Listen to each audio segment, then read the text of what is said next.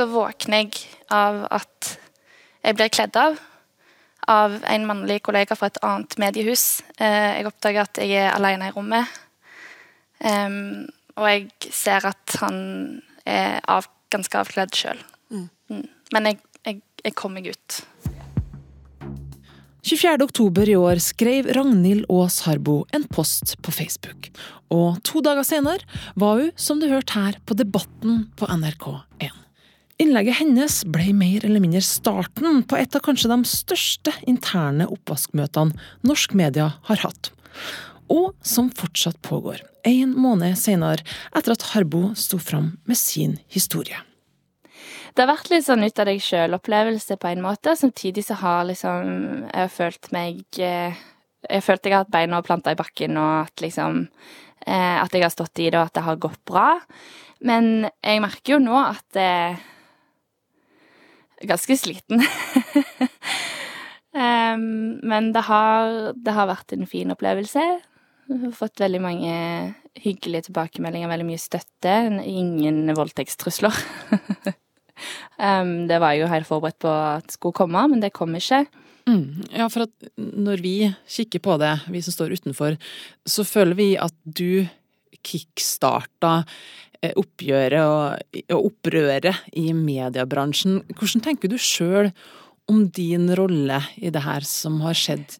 Jeg blir jo veldig glad når folk sier det. Når folk sier at sånn ja, du starta det jo, eller du var med på å starte det. Så da blir jeg veldig stolt. Um, altså, det kan jo være at uh, en hadde kommet der ned i dag til slutt uansett.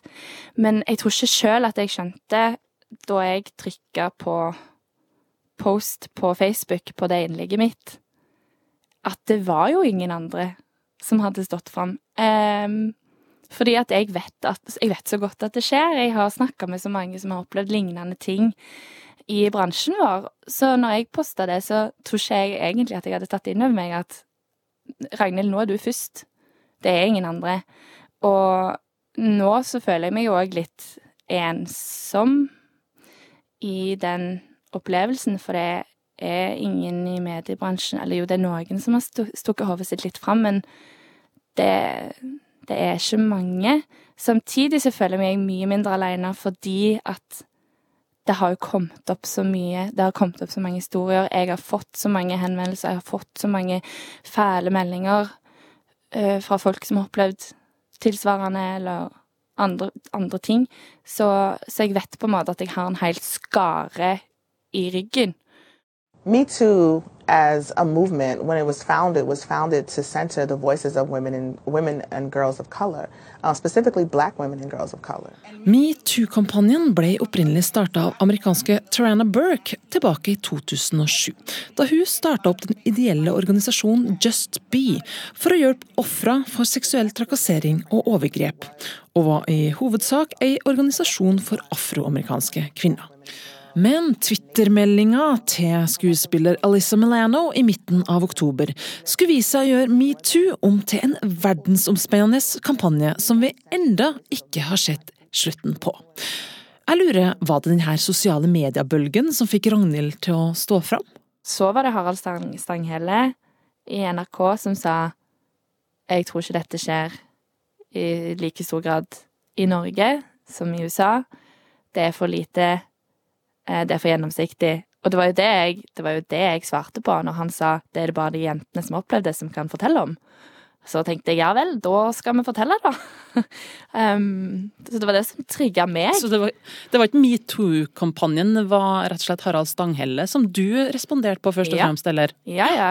Jeg tenkte nesten ikke at det var den kampanjen engang. Men altså, jeg starter jo innlegg med å skrive at ja, jeg posta metoo for noen dager siden. Men nå når Harald Stanghelle er ute og omtrent, følte jeg, da direkte oppfordra meg, så, så, var det den ballen jeg tok, da. Um, så jeg syns jo det er litt rart når folk er sånn og metoo-debatt, eh, ja, du er jo hun der metoo-jenta. Så er det sånn Hæ, nei. jeg er jo ikke det.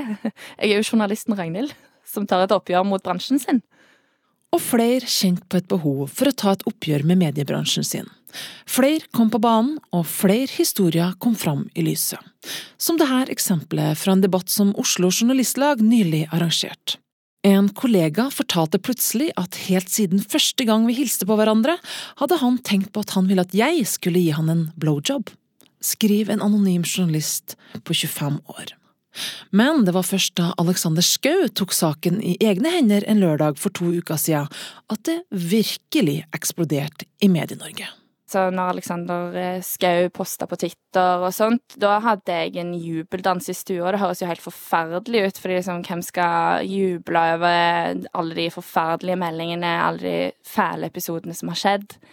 Men da tenkte jeg nå, nå må det skje ting. Det her klarer ingen å se forbi, og det, det skjedde jo ikke heller. Metoo-kampanjen skaper storm og oppvask i norsk presse. TV 2-redaktør burde få sparken, sier komiker Lisa Tønne. I går kveld kom et opprop fra over 500 kvinnelige skuespillere som tar et oppgjør med ukulturen i norsk TV, film og teater. Og Der har vi rett og slett ikke vært eh, tøffe nok, vi har ikke vært resolutte nok. Og, og det har fått de konsekvensene det, det har, og det er sterkt Eh, beklagelig. Til nå har alle de store mediehusene ytra seg, men en av de aller siste var Dagbladet med en leder forrige lørdag. Så derfor spurte min kollega Anna Iversen Dagbladets sjefsredaktør Jon Arne Markussen om hvorfor de var så seint på banen. Eh, det var nok ingen spesiell grunn til det. Vi, eh, vi, fulgte utviklingen eh, over tid, og så bestemte vi oss for at vi måtte mene noe om dette, vi òg. Så det, det, var bare en simpelthen en sammenheng. Av og til skriver man en leder for tidlig, av og til venter man lenger enn man burde. Jeg tror at timingen på dette var ganske bra, den. Hva har du selv gjort som sjefredaktør for å komme til rette med det her problemet? Eh, jeg syns vi har i de senere år tatt veldig tak i dette. Det viktigste vi har gjort, og den viktigste medisinen mot, uh, mot den gamle sjargongen og kulturen, det er kjønnsbalanse og dette med likestillingstiltak. Det er det absolutt konkret viktigste. Så går det på at man kjører kurs, opplæring, at man snakker om uh, atferd, hvordan man skal oppføre seg, hvordan man skal ta vare på hverandre, hva som er akseptabelt og ikke akseptabelt. Det er det, eh, det viktigste og sentrale. Så jeg føler meg egentlig overbevist om at, at, situasjonen nå er en helt annen enn den var. Eh, men man, det sikkert kan fortsatt skje ting man ikke vet om, ting man burde vite osv., men det har endret seg veldig. Har du selv dårlig samvittighet for noe? Noe som du har sett, men ikke gjort tilrekkelig med? Det, det, er klart at når man får en kampanje som dette Dette skjer jo en sosial oppvåkning. Og, så det er jo på en måte en kollektiv, eh, kan man skal si, en kollektiv læreprosess. Så er det jo slik eh, at eh, man går gjennom sitt liv, man går gjennom sitt yrkesliv. Man tenker tilbake, man prøver å reflektere over hvordan man sjøl har oppført seg hvordan man har vært på jobben, og, og, og, om det er ting man egentlig har bidratt til å, å dekke over eller kamuflere, burde ta tak i osv. Det er klart man gjør det, og det er vel det som er det, det positive med selve kampanjen, at det skjer en sosial oppvåkning. Har du noen konkrete eksempel på der du selv kjenner, uten å nevne noen navn eller så, der du kjenner at ah, det der så jeg, men jeg, jeg gjorde ikke tilrekkelig mye? Nei, vet du, det har jeg faktisk ikke. Jeg har ikke slike eksempler. Og jeg har prøvd å tenke gjennom det, men jeg, mer om, jeg snakker mer om et generelt inntrykk og en generell refleksjon om, om fortiden og det som har vært. I etterkant av dette intervjuet ringte Jon Arne Markussen tilbake og ville presisere at selv om ikke han kunne komme på konkrete ting han sjøl hadde sett, så har han som sjefsredaktør blitt varsla om sånne hendelser tidligere.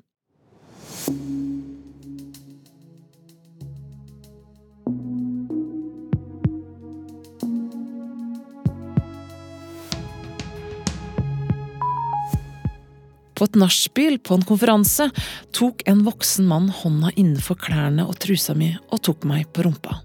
Idet jeg tilfeldigvis sto foran han. Jeg ble helt satt ut. Det her er en historie fra en student på 21 år. Og den siste tida har vi dessverre lest mange sånne historier. Emneknaggen metoo har vært hyppig brukt den siste måneden. Men siden da har det kommet bl.a. tystnad tagning i Sverige, etterfulgt av det nylige oppropet av svenske kvinnelige journalister under emneknaggen Deadline. Det blir mye hashtagger og emneknagger om en annen, men hvor stor effekt kan egentlig noen skarve skrifttegn ha? For nå er det flere som etterlyser den nye knaggen. Firkantast now what? Hva nå? Hva skjer nå? Er det her nok et SoMe-blaff på lik linje med internettfarsotter som isbøtter og vinterbadingutfordringer, eller blir det en milepæl som får lange ettervirkninger? Jeg tror at metoo vil være et veiskille for eh, mediebransjen. Jeg tror det vil være et før metoo, og så vil det være et etter. Norsk Journalistlag, ofte kalt NJ, her representert ved dets leder Hege Irén Fransen, har trua på at dette vil være et vendepunkt. Eller jeg er helt sikker på at det som har skjedd nå, betyr at folk eh, i redaksjonene er veldig klar over eh, seksuell trakassering og tar det på største alvor. Dette er noe som snakkes om ved alle eh, pulter og bord i alle redaksjoner, og alle er opptatt av det. Og kollegene er også opptatt av eh, hvordan de eh, snakker sammen om det, og, og, flere kolleger snakker om hvordan de kanskje ikke har fulgt opp ting de har sett eller hørt, og det er mange som sier til oss at de eh, går i seg sjøl og lurer på om de har vært med på å dekke over ting som har skjedd i redaksjonene, ved å rett og slett ikke melde fra. Det kan kanskje ses på som en slags ukultur som har fått lov å utvikle seg til noe som er alvorlig. Og noen har også fortalt til meg at man nesten er blitt så vant til det at man glemmer å se hvor alvorlig det er. Eh, og så kan det kanskje starte med en uskyldig hendelse som kan utvikle seg til noe verre hvis det ikke blir stanset og sagt fra om. Hva er deres inntrykk av arbeidssituasjonen for norske journalister? Ja, Vi har ikke noe grunnlag for å si at det uh, verken er bedre eller verre i norsk mediebransje. Vi har jo ikke gjort noen undersøkelser knytta til seksuell trakassering tidligere. og Det er derfor bransjeorganisasjonene nå har gått sammen om å sende ut en undersøkelse som sendes ut uh, denne uka. Da er det MBL, Norsk redaktørforening, fagpressen, LLA og Norsk Journalistlag som sammen har gått sammen om å lage den undersøkelsen. Nettopp for å kartlegge hvor utbredt seksuell trakassering er i vår bransje, også hva slags settinger det skjer, ehm, og også hvem, som er mest utsatt.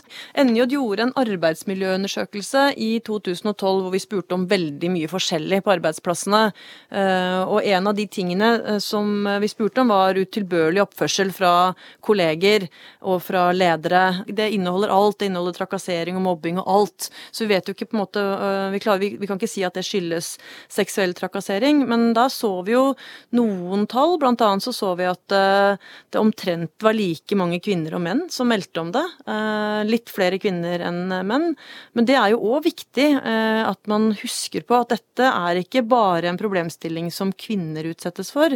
Vi har også tilbakemeldinger fra menn som har blitt utsatt for seksuell trakassering. Og de føler ofte eh, skam over at det har skjedd, og er veldig redd for å gå videre med historiene sine. Og de er veldig redd for jobbmulighetene, og det kan gjerne, like gjerne være fast ansatte. Så det er ikke sånn at dette utelukkende er et mannsproblem. Det er like ofte et Eller det er ikke like ofte, men det er eh, også et kvinneproblem. Eh, og det er viktig å, å, ha fokus på seksuell trakassering som sådan, og ikke nødvendigvis kjønnsbasert. Flere nevner at mange midlertidige stillinger er en av faktorene for at sånn type trakassering er utbredt i mediebransjen. Stemmer det? Det har vi heller ikke noen grunnlag for å si, men vi vet at det oftest er de som ikke forteller oss om at, eller forteller videre hva som har skjedd. Det de sier til oss, er at de er usikre for hva slags eh, jobbframtid de kan få, om det betyr noen ting for mulighetene deres. Enn Ragnhild Aas Harbo, som for øyeblikket er jobbsøkende. Er hun bekymra for karrieren sin etter at hun varsla om overgrepet? Altså for snart en måned siden, da, så var det jo noen som kom til meg og sa sånn ja, dette er jo særlig vanskelig for dere midlertidige, dere som eh, går fra jobb til jobb, for det er så usikkert og det er skummelt å stikke hodet sitt fram. Og da gikk det opp for meg søren, jeg har to uker igjen på kontrakten min. da, da, ble jeg litt stressa. Da fikk jeg en ting til å stresse med. Det er ikke den beste tida jeg kunne vært arbeidsledig på, eller arbeidssøkende på her, men sånn er det i denne bransjen. Jeg vet vikariat som har gått ut, og ikke mulighet for forlengelse. Um, men det jeg har hørt, som jeg bare håper jeg liksom kan støtte meg på, det er jo at, at eh, folk tenker jeg har bein i nesen. Um, og det håper jeg jo at de tenker, ikke at det, å, her har vi en um, sladrehank, om du vil. Men jeg tenker som journalister så er jo vår oppgave å være samfunnsvokter. Vi skal jo passe på at ting skjer som det skal. Hvis det er noe urett som skjer, så skal vi si ifra. Vi skal skrive om det, vi skal dekke det. Så hei, hei, alle arbeidsgivere ute. Jeg, jeg passer på. det er bare å ansette meg, altså. Hva med han som sitter med makta til å ansette folk? Vil Harbo og andre journalister som har stått fram, ha en mulighet til å få jobb i Dagbladet, f.eks.? For, for all del, det kan jo ikke være slik at folk som har stått fram, eller som har bidratt til en helt nødvendig debatt, skal få en tilleggsbelastning ved at de blir straffet i arbeidsmarkedet. Det blir helt feil. Hvilken rolle spiller sosiale medier i hele denne metoo-kampanjen, tror du?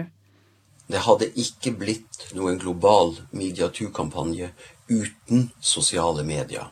Hva er det som sosiale medier har da, som gjør, gjør det her mulig?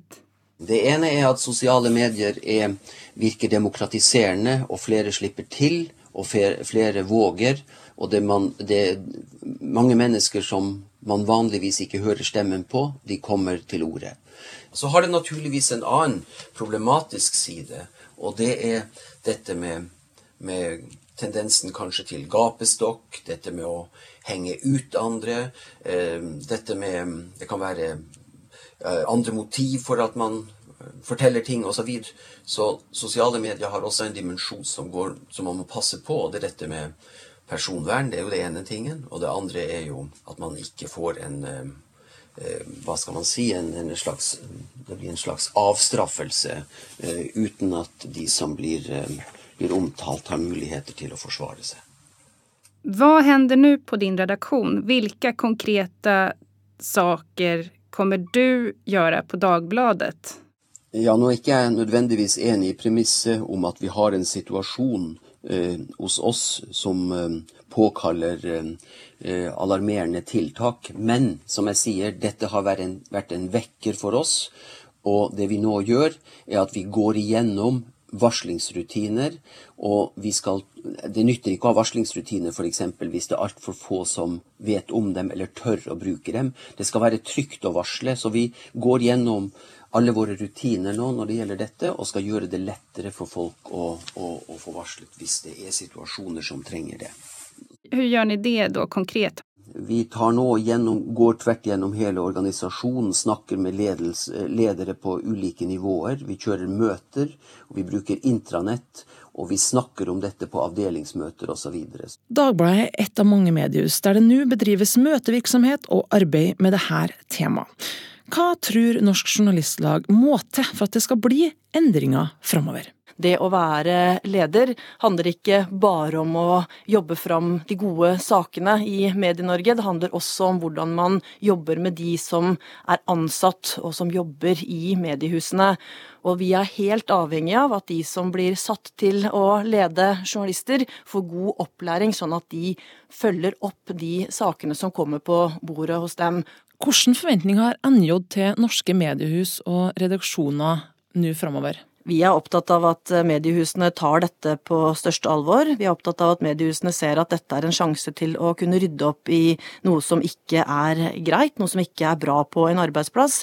Og vi har forventninger om at lederne følger opp eh, med kursing av ledere, at man har gjennomganger i redaksjonene, og at man er tydelig ut i redaksjonen om hva slags rutiner som gjelder eh, hos eh, oss. Det snakkes mye om endring av rutiner og nye retningslinjer, men hvilken effekt har sånt arbeid? Jeg spør førsteamanuensis ved Universitetet Nord og organisasjonspsykolog Stein Jonny Valstad, som har en doktorgrad i endringsledelse. Hvis du tenker på at uh, du skal ha bort en type atferd, eller hvis du skal få frem noe ønska atferd, så er det jo for så vidt veldig greit også å ha noe måter å tenke på hvordan ting skal være på. Men det er to ting å tenke om rutiner òg, og det, det er hvilken type rutiner er det vi ønsker å ha, som er, preger vår virksomhet, og som er et uttrykk for den kulturen vi ønsker å fremme, versus å begynne å lage en masse regler og rutiner for hva som er ikke akseptabelt, og bruke all oppmerksomheten på det. Og så er en jo noen ganger nødt til å ha noen grenser for hva som er akseptabel atferd og ikke, men uh, enkelte ganger så får vi inntrykk av at det er mer grensesetting enn det er jobbing med hvordan vi egentlig ønsker å ha det. da. Det er mange ganger lettere å se hva vi ikke skal ha, enn hvordan det skal være. Og Derfor sånn, så er det noe med hjernen vår at den leter noe tak i de skal vi si, enkleste veiene, i stedet for å begynne å si hvordan skal det være. da. Én ting ja, er da å endre rutiner og retningslinjer. Men når vi snakker om denne saken som vi snakker om nå, så er Hvor enkelt er det å endre holdninger på en arbeidsplass? Det er helt klart vanskeligere, men, men, det er på ingen måte umulig hvis en er veldig tydelig på hvordan holdningene ønsker å gjøre noe med.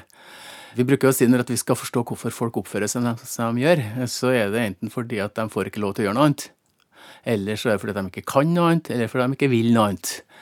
Og det som er utfordringen en del ting, det er at uh, vi opplever at holdninger formuleres som et kunnskapsspørsmål. Så vi må ha mer opplæring og vi må ha mer kunnskap, der det egentlig dreier seg om å ikke vil.